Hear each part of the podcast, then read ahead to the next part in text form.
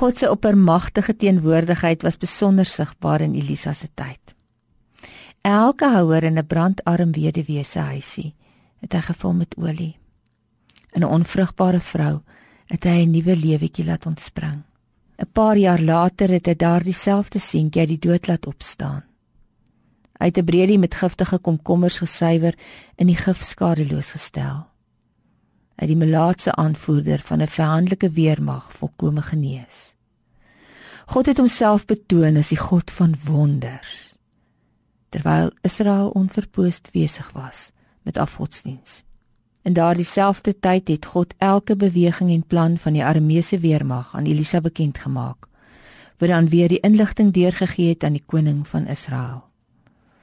Die Arameese koning het besluit om Elisa uit die weg te ruim en die dorp waarin hy gewoon het omsingel. Die magsvertoon van die Arameese weermag het Elisa se dienskneg paniekerig gemaak. Maar Elisa kon hom verseker: "Daar is meer aan ons kant as aan hulle kant." 2 Konings 6 vers 16. God het sy dienskneg se oë oopgemaak om te sien wat Elisa kon sien. Reg rondom die stad was daar 'n weermag van perde en strydwaans van vuur. God was in al sy heerlikheid aan die werk. Elisa het gebid. God het sy vyande verblind en die konflik het tot 'n einde gekom. Toe God Elisa se dienskneg se oë oopgemaak het om in die gees die mense te sien, het hy die eerste keer verstaan wat Johannes, Jesus se geliefde disipel ook later sou beskryf met hierdie woorde: Hy wat in ons is, is groter as hy wat in die wêreld is. 1 Johannes 4 vers 4. In 1 Johannes 16 vers 33 erken Christus die probleme, moeilikheid en chaos wat in die wêreld is.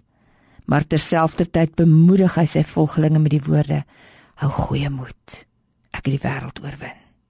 Wanneer ons ons perspektief belyn met sy teenwoordigheid en mag, dan vou daar 'n allesomvattende vrede oor ons.